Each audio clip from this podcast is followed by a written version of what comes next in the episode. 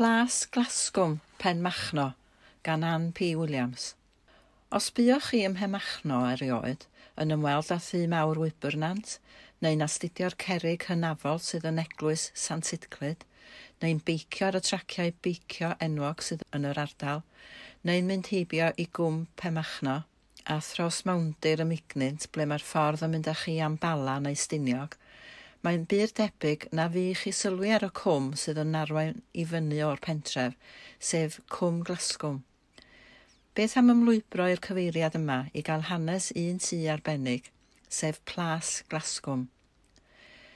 Mae yma dŷ hynafol hanesyddol o'r enw Tŷ Mawr Wybernant wrth gwrs, a adeiladwyd tua 8 mlynedd cyn Plas Glasgwm a hefyd nifer o dai hynafol eraill sydd yn cael eu rhestru yn y llyfr darganfod tai hanesyddol Eryri gan Richard Syget a Margaret Dunn, dan adain Comisiwn Brenhinol a Henebion Cymru.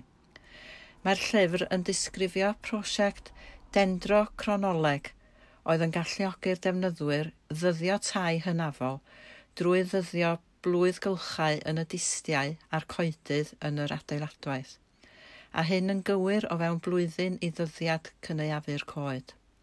Wedi cyrraedd plas Glasgwm, cefai sgwrs gyda'r perchnogion a chael cyfle i holi ychydig am y tŷ a'i hanes.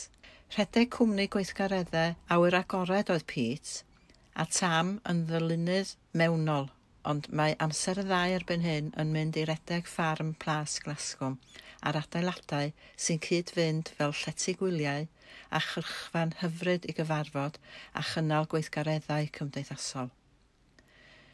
Adeiladwyd Plas Glasgow fel ffarm ystad gan Dr John Gwyn, un o deulu'r winiaid o Wydyr, yn 1573 ac mae'r tŷ ynghyd â'r adeiladau amaethyddol a'r tir o gwmpas – wedi cael ei hadnewyddu yn ofalus gan y perchnogion dros y deg mlynedd ar hugen diwethaf, gan roi enghraifft berffaith o sut yr oedd fferm a'i hadeiladau yn yr unfed ganrif ar bymtheg.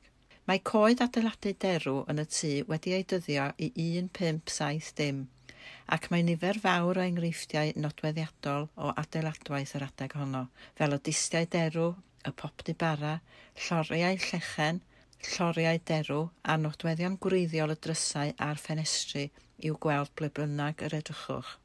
Mae Plas Glasgow wedi cael nifer o berchnogion dros y canrifoedd gan gynnwys yn fwy diweddar yr arglwydd Mostyn, yr arglwydd Penryn a'r ymddiriadolaeth genedlaethol.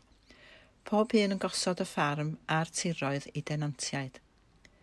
Gadawodd y tenantiaid olaf yn y 1960au ac wedyn bu'n di haf yr adegau cyn ei adael y wag am nifer o flynyddoedd. Yn 1991, daeth y perchnogion presennol i Plas Glasgwm, gan syrthio mewn cariad gyda'r lle, er gweithaf y gwaith anhygol oedd o'i blaenau i ddod â'r lle yn ôl i'w gyflwr gwreiddiol. Bu blynyddoedd o waith caled, manwl a gofalus yn mynd ymlaen i'w adfer, ac erbyn hyn mae'r lle yn werth ei weld. Mae'r adeiladau amaethyddol oedd gyda'r plas wedi eu hadnewyddu, ac yn fythynod gwyliau chweithus ac unigryw gydag enwau croesawus.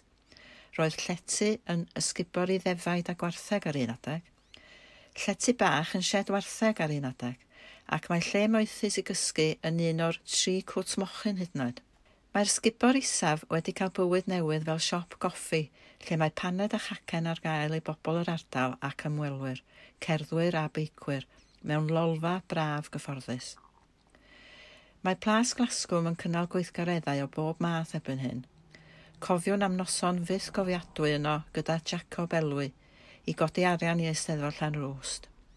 Te prynhawn i henoed y cilch, priodasau niferus, partion pen blwydd, swper i ferched o awr, penwthnosau encil ac yn y blaen. Mae gwaith caled adnewyddu ac ail greu y gerddi yn parhau i fynd ymlaen – gyda gwaith ar y berllan, y waliau cerig a'r llwybrau troed eang yn mynd ymlaen yn barhaol a'r cyfan yn creu tirlun sydd yn gemdir gwych i'r lle hanesyddol yma. Mae un ychwanegiad diddorol i'r ardd hefyd. Mae maen cenfar wedi ei gosod sydd yn edrych ar olygfa hyfryd i lawr cwm Glasgwm am Bemachno. Rhan o gynllun Big Bench Community Project ydy hon ac wedi ei chreu gan grefftwr lleol – ar gyfer yr ardd yn Plas Glasgow. Ym Mhrydain ar hyn o bryd, dim ond dwy fainc o'r fath sydd mewn bodolaeth dan y cynllun hwn. Mae hon yng Nghwm Glasgow ac mae un arall yn yr Alban, er fod nifer yn Ewrop gyda'r rhan fwyaf yn yr Eidal. Mae'r meinciau mawr yn cael eu gosod ar dir sydd ag olygfa a sydd yn hawdd i'r cyhoedd fedru o'i cyrraedd, fel y bo unrhyw un sydd yn byno allu mwynhau'r olygfa a'r profiad unigryw o eistedd, neu geisio eistedd ar y fainc. Manylion cyswllt Plas Glasgwm, Pemachno Betws y Coed, L24 OPI. Rhif ffôn dim 1690 760 181. E-bost office at plasglasgwm.co.uk.